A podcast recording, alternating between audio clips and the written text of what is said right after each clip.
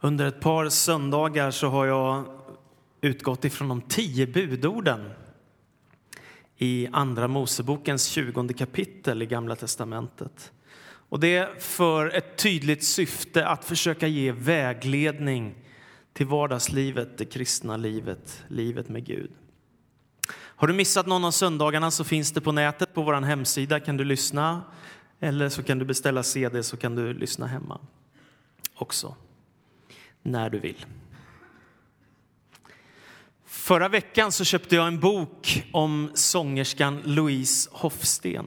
Hon är en duktig svensk bluessångerska som tidigt i livet drabbades av MS, sjukdomen MS.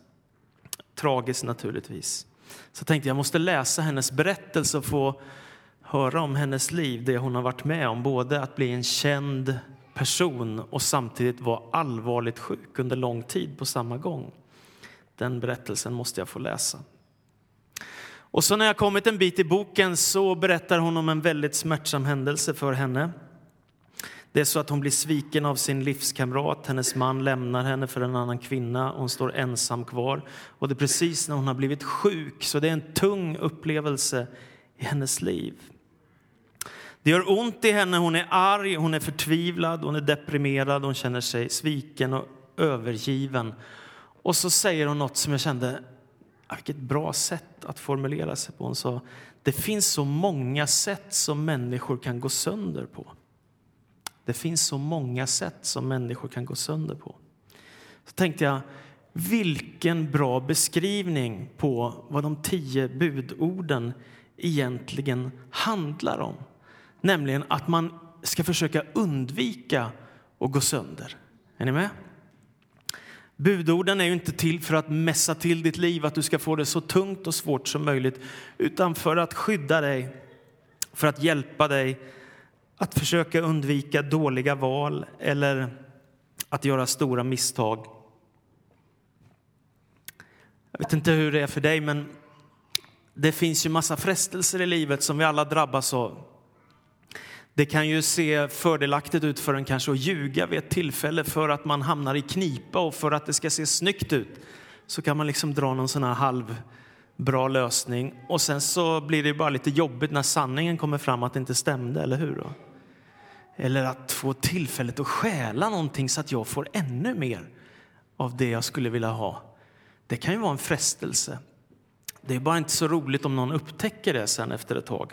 Var har du fått det därifrån? När fixar du det? Eller var kommer det ifrån? Då är det inte så roligt längre. Va?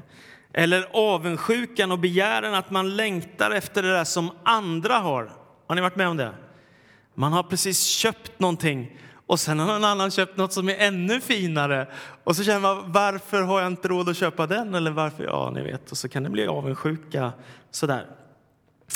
Och så går vi så lätt vilse. Jag tänker det är därför Gud ger sitt folk de tio budorden för att ge tydlig vägledning. Om du vill leva ett gott liv, om du vill vara rädd om dig själv, om du vill göra någonting bra, så försök att ta med detta in i ditt liv. Och dessutom är det ju så att man kan bygga ett gott samhälle av de här tio budorden. Den västerländska civilisationen har vuxit fram faktiskt utifrån Mose lag och de tio budorden. Så är det. Men då kommer ju frågan, hur ska en kristen förhålla sig till de tio budorden? De tillhör ju faktiskt Gamla testamentet, det gamla förbundet som ju Gud slöt med Israel. Ska vi då underordna oss det? Eller för att dra det ännu längre, det finns 613 bud i Gamla testamentet hur ska vi som kristna hantera dem? Det är ju första delen av Bibeln och det gamla förbundet. Och Paulus är jättetydlig. Han säger att nej men vi som kristna, vi som följer Jesus, vi står inte under lagen så att vi har lagen över oss som domare och att vi därigenom ska försöka frälsa oss själva och nå upp till Gud och sträcka oss mot Gud och kanske att han är barmhärtig mot oss. Utan han har befriat oss från lagen. Ändå är lagen och budorden viktiga för oss. Till exempel så är det ju så att när Gud ska ge Mose de tio budorden så gör han det på Sinai berg i en väldig uppenbarelse av Guds härlighet och närvaro. Det är otroligt dramatiskt och Gud skriver själv med sitt eget finger på de två förbundstavlorna och där får de de tio budorden. Det är ett förbund med Gud. Det är klart att det är något alldeles extra med detta. Eller kärleksbudet som Jesus säger är det största av allt. Du ska älska Herren din Gud av hela ditt hjärta, hela din själ, hela din kraft och din nästa som dig själv. Men vad gör man då? Vad gör man med de här orden? Ja, till exempel när apostlarna möts i Jerusalem i det femtonde kapitlet i Apostlagärningarna så tar man upp de här frågorna. Måste de kristna gå in under hela den judiska lagen och uppfylla allt och omskära sig och allt det här? Och då svarar man tydligt nej, det måste man inte. Men man ser till att de inte lever i otukt och att de inte äter djur som har blivit offrade till avgudar. Ungefär så sammanfattar man det, så enkelt. Och märkligt. Sen finns ju ett bekymmer och det är det här. Det är att vi alla brottas med det goda och det onda. Aposteln Paulus han förklarar så här i Romarbrevet 7 och 15. Jag förstår inte mitt sätt att handla. Det jag vill, det gör jag inte. Men det jag avskyr, det gör jag. Någon som har känt igen sig någon gång? Alltså man längtar efter något, men helt plötsligt så blir det någonting helt annat. Och det goda man vill blev istället någonting destruktivt. Va? Hur kan det vara så?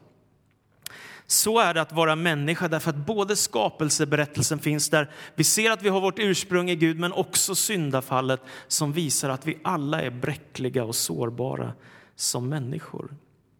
Så är det, vi har både i vårt liv det goda och det onda och därför är det en kamp men därför är det också otroligt befriande att Nya testamentet det är ett nytt förbund och det bygger på löften ifrån Kristus och hans seger och hans kors. Och därför står det i Romarbrevet 10 och 9. Om du med din mun bekänner att Jesus är Herre och i ditt hjärta tror att Gud har uppväckt honom från de döda, då skall du bli räddad. Så jag tänker så här, Israels folk, de får massa löften av Gud. Först Abraham, du ska få ett stort folk, du ska bli välsignad. Och så kommer Mose och Sina i berget och allt det dramatiska när Gud uppenbarar sig. Och så får de tio budord att följa för att kunna bygga ett gott samhälle och leva ett bra liv. Men sen kommer Kristus och då är det helt plötsligt en ny väg till Gud. Jag behöver inte sträcka mig mot buden för att i sin tur sträcka mig mot Gud. Utan det finns en som har sträckt sin hand till oss och blivit människa så att vi kan komma på grund av tro in i hans förbund av bara nåd. Det är vägen till frälsning. Om du med din mun bekänner att Jesus är Herre och i ditt hjärta tror att Gud har uppväckt honom från de döda skall du bli räddad. Och därför säger Jesus, den som byggde sitt hus på berggrunden, det höll när regnet och stormen kom. Kristus är berggrunden. Och bara några tidigare verser i Romarbrevet 10 så står det att Paulus säger Kristus är slutet på lagen så att var och en som tror kan bli rättfärdig. Det här är stora glädje, glädjebuds, eh, ett stort glädjebudskap. Det är goda nyheter. Kristus är slutet på lagen. Jag måste inte sträcka mig mot Gud. Gud har sträckt sig mot mig och genom tron blir jag rättfärdiggjord och jag kan få kontakt med Gud som älskar mig. Martin Luther, han som var den store reformatorn, han kämpade mycket med detta. Han hade sån oro inför Gud och han kände, jag, hur ska jag klara att leva inför en helig Gud, jag som är så bräcklig, jag som är en syndare och han kände sig fördömd och allt detta. Och så läser han i Romarbrevet om att den som tror ska bli rättfärdig. Bara tron i sig verkar så att Gud verkar i ditt liv och du blir rättfärdiggjord. Och när Luther har varit med om detta, han har förstått vad nåden handlar om och det nya förbundet där Kristus är den fasta klippan som du kan bygga ditt liv på, så, var, så skriver han, det var som att gå in i själva paradiset. Och detta är evangeliets kärna. Så de budorden, det är inte vår väg till frälsning.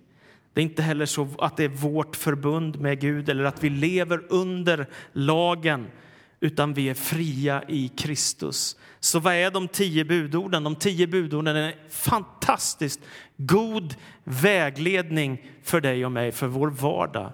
Vad vi gör för att försöka leva ett vettigt liv.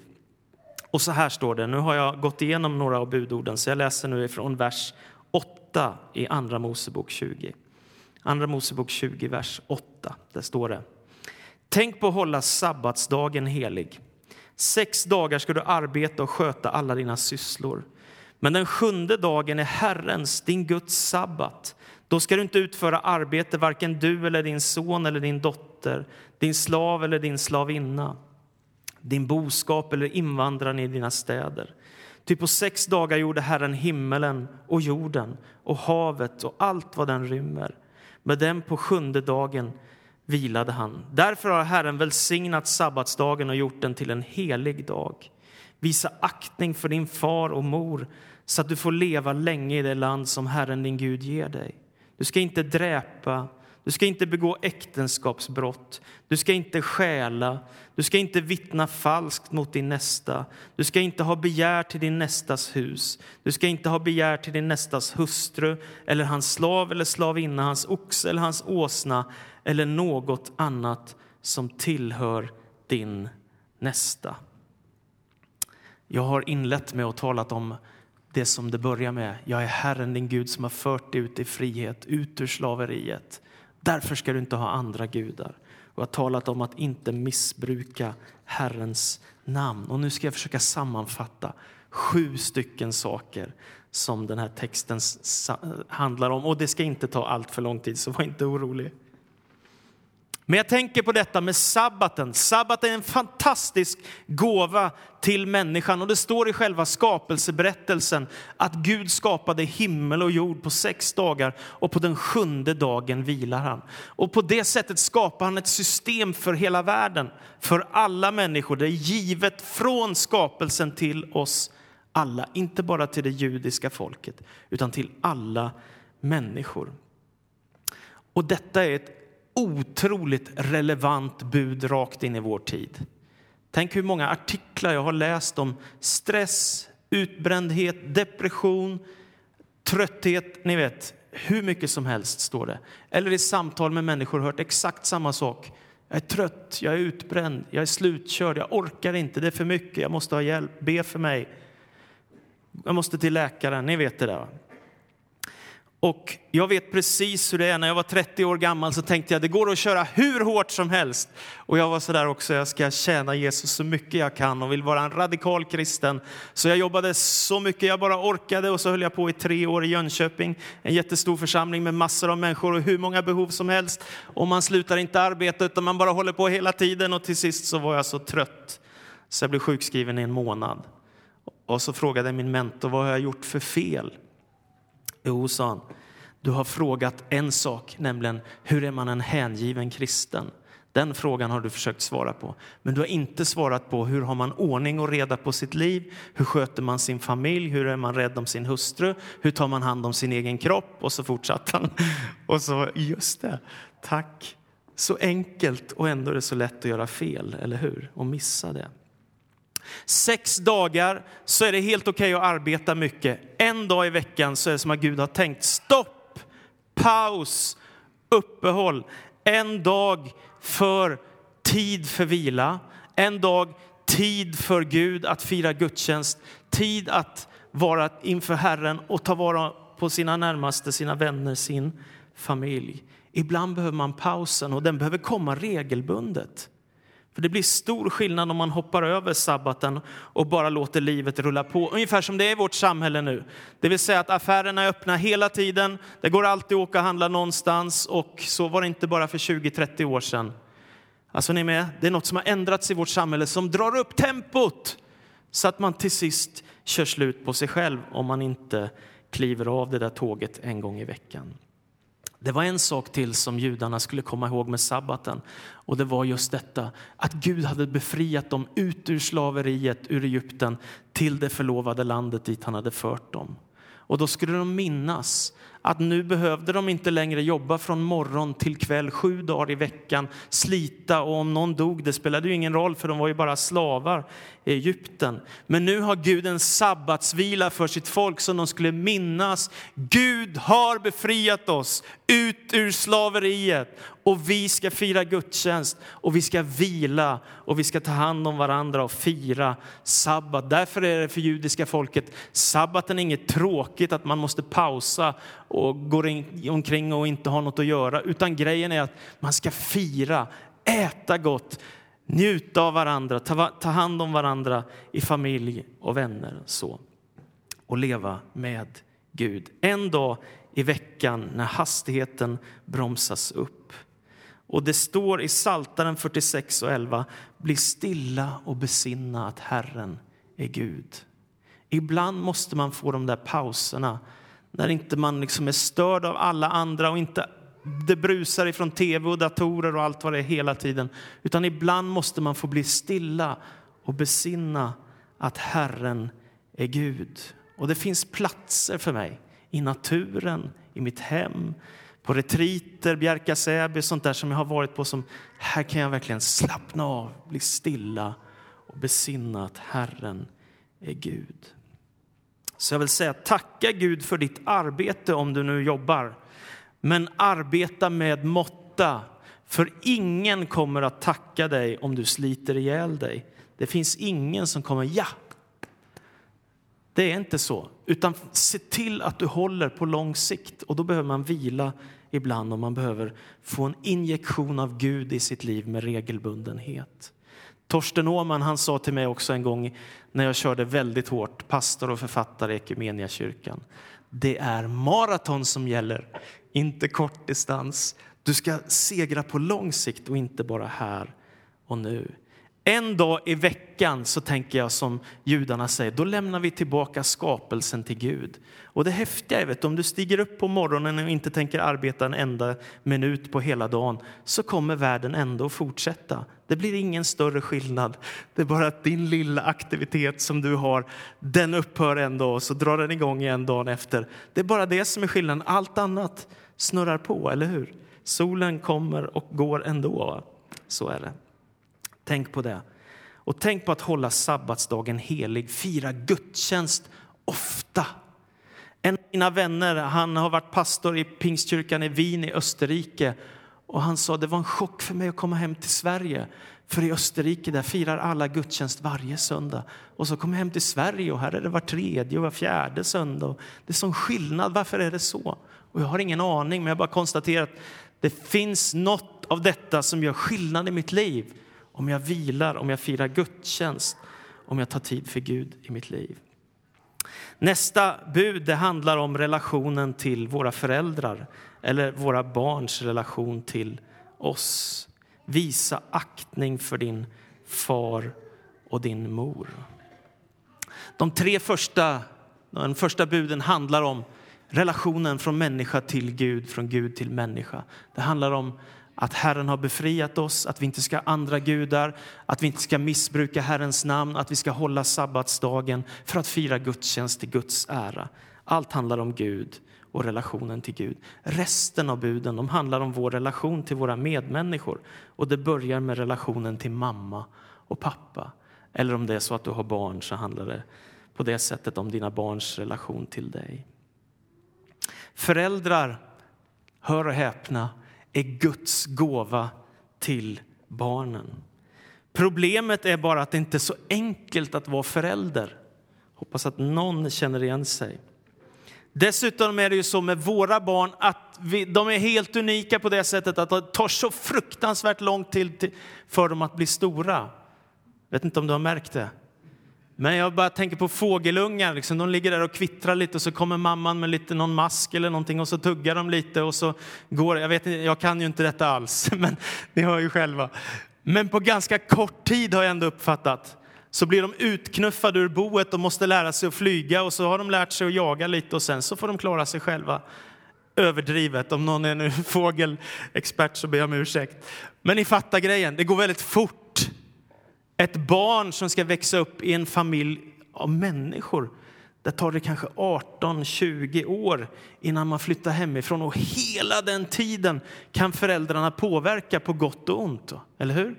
Man kan skicka in massa bra saker av kärlek, omsorg och att man hänger med barnen. Man kan också skicka in massa dåligt, massa skräp, massa elakhet, att trycka ner dem, att säga ifrån och hela tiden trycka sig före som förälder och liksom inte låta barnen utvecklas på ett gott sätt. I ungefär 20 års tid ska ett barn växa upp med sina föräldrar. Därför är det viktigt vad man gör med sitt föräldraskap. Och det är viktigt, jag tror det viktigaste av allt är att vara mycket kärleksfull och mycket barmhärtig. Det är det bästa tror jag med föräldraskap. Sen kan man lyckas mer eller mindre med massa olika saker. Om det nu är skolan, om det är hockey eller om det är piano eller vad det är som de ska lära sig i livet. Men om man inte får mycket kärlek så är det inte bra. Jag har hört alldeles för många säga min mamma har aldrig sagt jag älskar dig. Min pappa har aldrig sagt jag älskar dig. Och då tänker jag vi måste göra bättring vi som är föräldrar om det är så. Säg till dina barn jag älskar dig. Säg det ofta, gärna så ofta så att de säger nu räcker det, sluta, jag är trött på dina ord. Det är ett hett recept. Barn är en gåva att förvalta. Jag har haft förmånen att gifta mig in i en grekisk familj. Och då har jag lärt mig vad liksom den motsatsen till individualism är, att man lever för sin egen skull och att man lever mest som individ, jag, mig och mitt. Där är det precis tvärtom, där är det vi, vårt och vi tillsammans. Eh, och vi var och firade svärfar igår som fyllde 81 år och de kunde inte låta bli att kasta snöbollar på varandra fast de är gamla. Det är fascinerande. Men det som jag tycker så mycket om det är att min fru och hennes bröder som närmar sig liksom på väg mellan 40 och 50 nu och svärföräldrarna är 70-80 sådär. Det är att de tycker så förtvivlat mycket om dem fortfarande och att de har så god kontakt, är så rädda om dem och så gärna åker dit. Min fru är kvittrande glad varje gång vi åker dit. Så om jag vill få henne på gott humör så då, då är det bara att säga ska vi åka och hälsa på dina föräldrar, då blir hon glad direkt. Jag tycker det är fantastiskt. Visst är det något att, att kämpa för, att längta efter. Och jag vet att det inte är så lätt. Men därför var rädd om det du har. Var rädd om din familj, var rädd om dina barn, var rädd om ditt barn eller hur du nu har det. Och du som är barn, var rädd om dina föräldrar. Du har två föräldrar. Du vet inte hur länge, hur länge du får behålla dem. Livet går fort. Sen helt plötsligt så står man vid en gravsten och så är det en av ens föräldrar som är hemma hos Herren förhoppningsvis.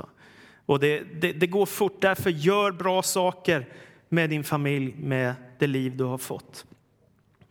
Till sist, fem sätt att gå vilse. De kan du få. Du ska inte dräpa. Du ska inte begå äktenskapsbrott. Du ska inte stjäla. Du ska inte vittna falskt. Du ska inte ha begär till din nästas hus, hustru eller något annat som tillhör din nästa. Varför alla dessa bud? Du skall inte. Jo, av den enkla anledningen att det här är saker som pajar för oss i livet, som gör oss illa, eller hur? Det är saker som skadar oss på olika sätt. Man kan sammanfatta det med avundsjuka, lögn, stöld, äktenskapsbrott, mord. Sånt som gör oss illa, som skadar oss. Det för oss på villovägar. Tänk på kung David.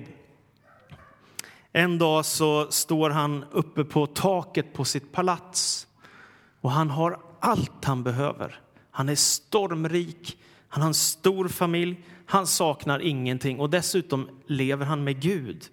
Ändå är det så att han mitt i sitt liv går vilse. Han får se Batseba, en vacker ung kvinna, naken som står och badar där nedanför. Han ser det från sitt palats. Och så kollar han upp vem hon är. Han vet, får veta att hon är gift med en av hans soldater, Uria. Ändå kan han inte låta bli frestelsen, så han kallar till sig Batseba och det får förödande konsekvenser i hans liv.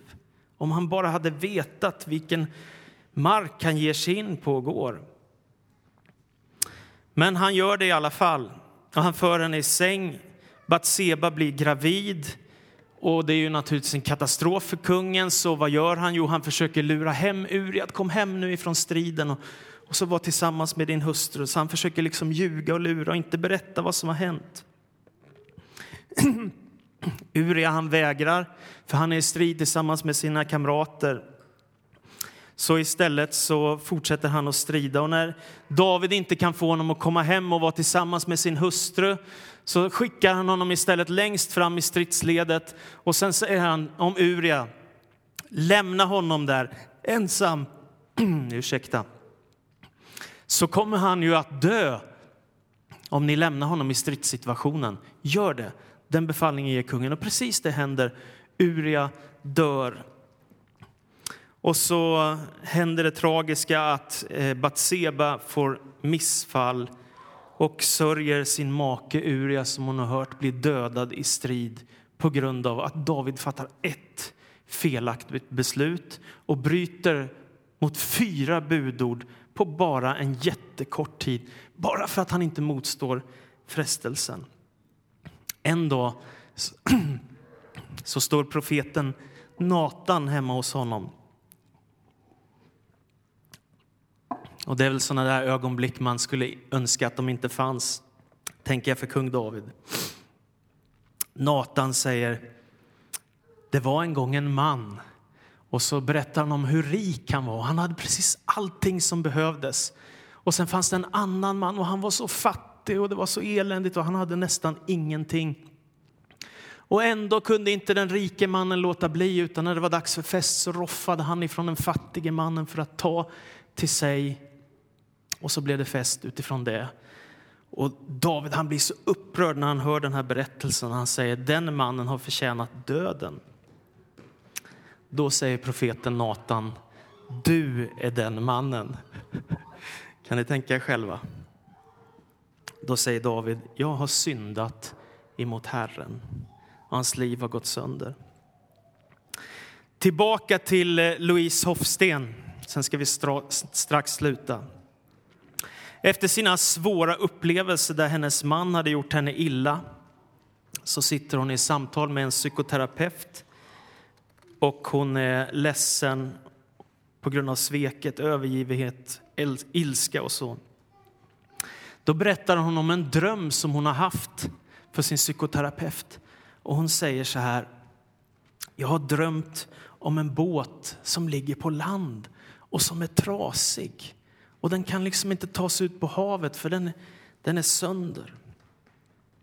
Och då säger hennes psykoterapeut, jag tror att det är du. Du är en båt som ligger på land och du är trasig.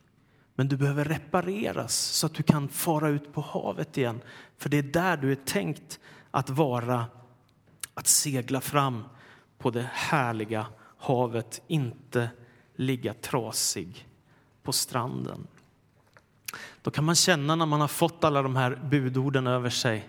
Okej, okay, jag är en syndare, jag behöver Guds nåd i mitt liv då är det väldigt skönt att tänka på de här orden som skrivs i Romarbrevet, det sjunde kapitlet, vers 24 och framåt.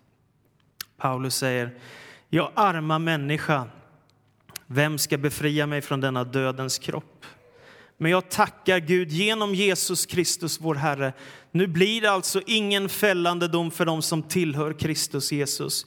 Till den andliga lag som gäller för livet i Kristus Jesus har gjort mig fri från syndens och dödens lag.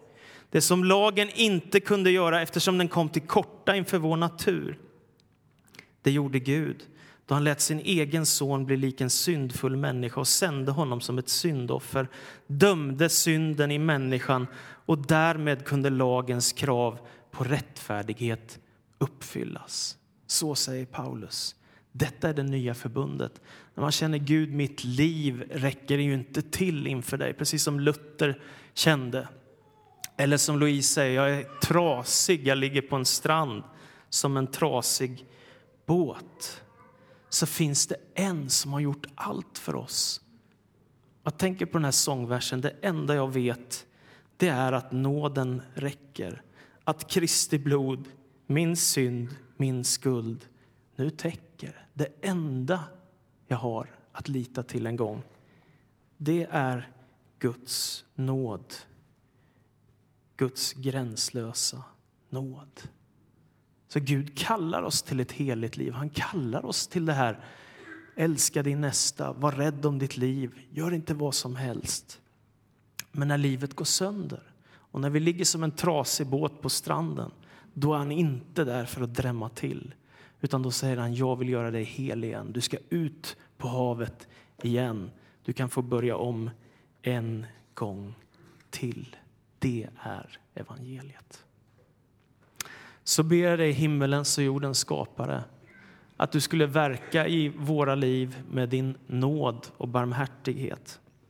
Vi alla syndar, ingen av oss finns som går fri, utan vi behöver alla din nåd. Tack för att du vill reparera oss, tack för att du vill renovera oss, tack för att du vill börja om med den som behöver din kärlek, Herre. Tack för att allt är möjligt för den som tror. Tack för att ingen behöver leva med skuld och skam över sitt liv, för du har gjort allt för oss. Tack för att du ropade ut det fullbordat och vi får vara fria i dig på grund av din kärlek, barmhärtighet, din frälsning. Och så kallar du oss till ett heligt liv. Sådana som vi är, helt vanliga människor. Amen.